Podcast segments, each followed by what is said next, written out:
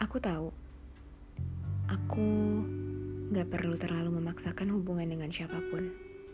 Harus sabar dan fokus aja ke diri masing-masing. Saling bahagia satu sama lain, saling mendukung, dan kalau memang ternyata kita jodoh, berarti kita beruntung banget.